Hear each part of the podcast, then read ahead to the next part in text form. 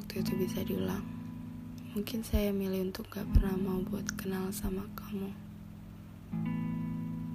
Berawal dari kisah beberapa tahun yang lalu, masih gak nyangka seperti itu waktu berjalan. Tapi lukanya tetap masih membekas sampai seiring waktu berjalan.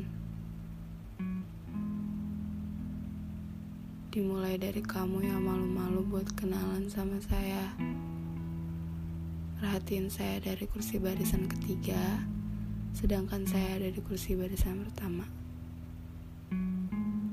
Saya ingat banget mergokin kamu lagi curi pandang ke saya. Saat itu juga saya sadar kalau kamu ingin memulai semuanya. Kalau aja kejadian itu nggak ada, mungkin nggak akan pernah ada kita di antara kamu dan saya. Kadang saya bingung harus bersyukur waktu itu atau menyesal sampai sekarang karena kamu udah memulai semuanya.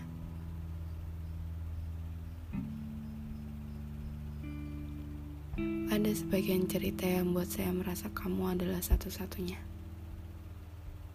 Tapi ada juga sebagian cerita yang buat saya merasa semuanya sia-sia. Ngulang cerita lama kayak gini cuma buat luka saya semakin kerasa tapi nggak apa-apa. Saya pengen berterima kasih sama kamu karena udah mengakhiri semuanya pada waktu itu. Alasan berakhir yang kamu kasih ke saya jadi sebuah pelajaran. Kalau sebuah hubungan memang seharusnya diberi jarak. Tidak terlalu dekat pun tidak terlalu jauh.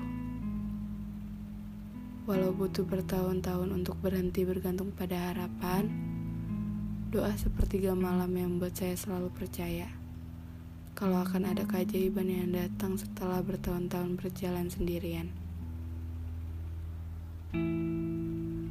Harapan, kepemilikan, dan kamu sekarang udah bukan jadi tujuan saya. Cerita itu buat saya harus menipu perasaan saya sendiri. Menempati rumah yang sebenarnya saya nggak mau buat menempati rumah itu. Tapi satu sisi saya juga harus bisa kelihatan baik-baik aja dengan semua yang kamu perhatikan ke saya.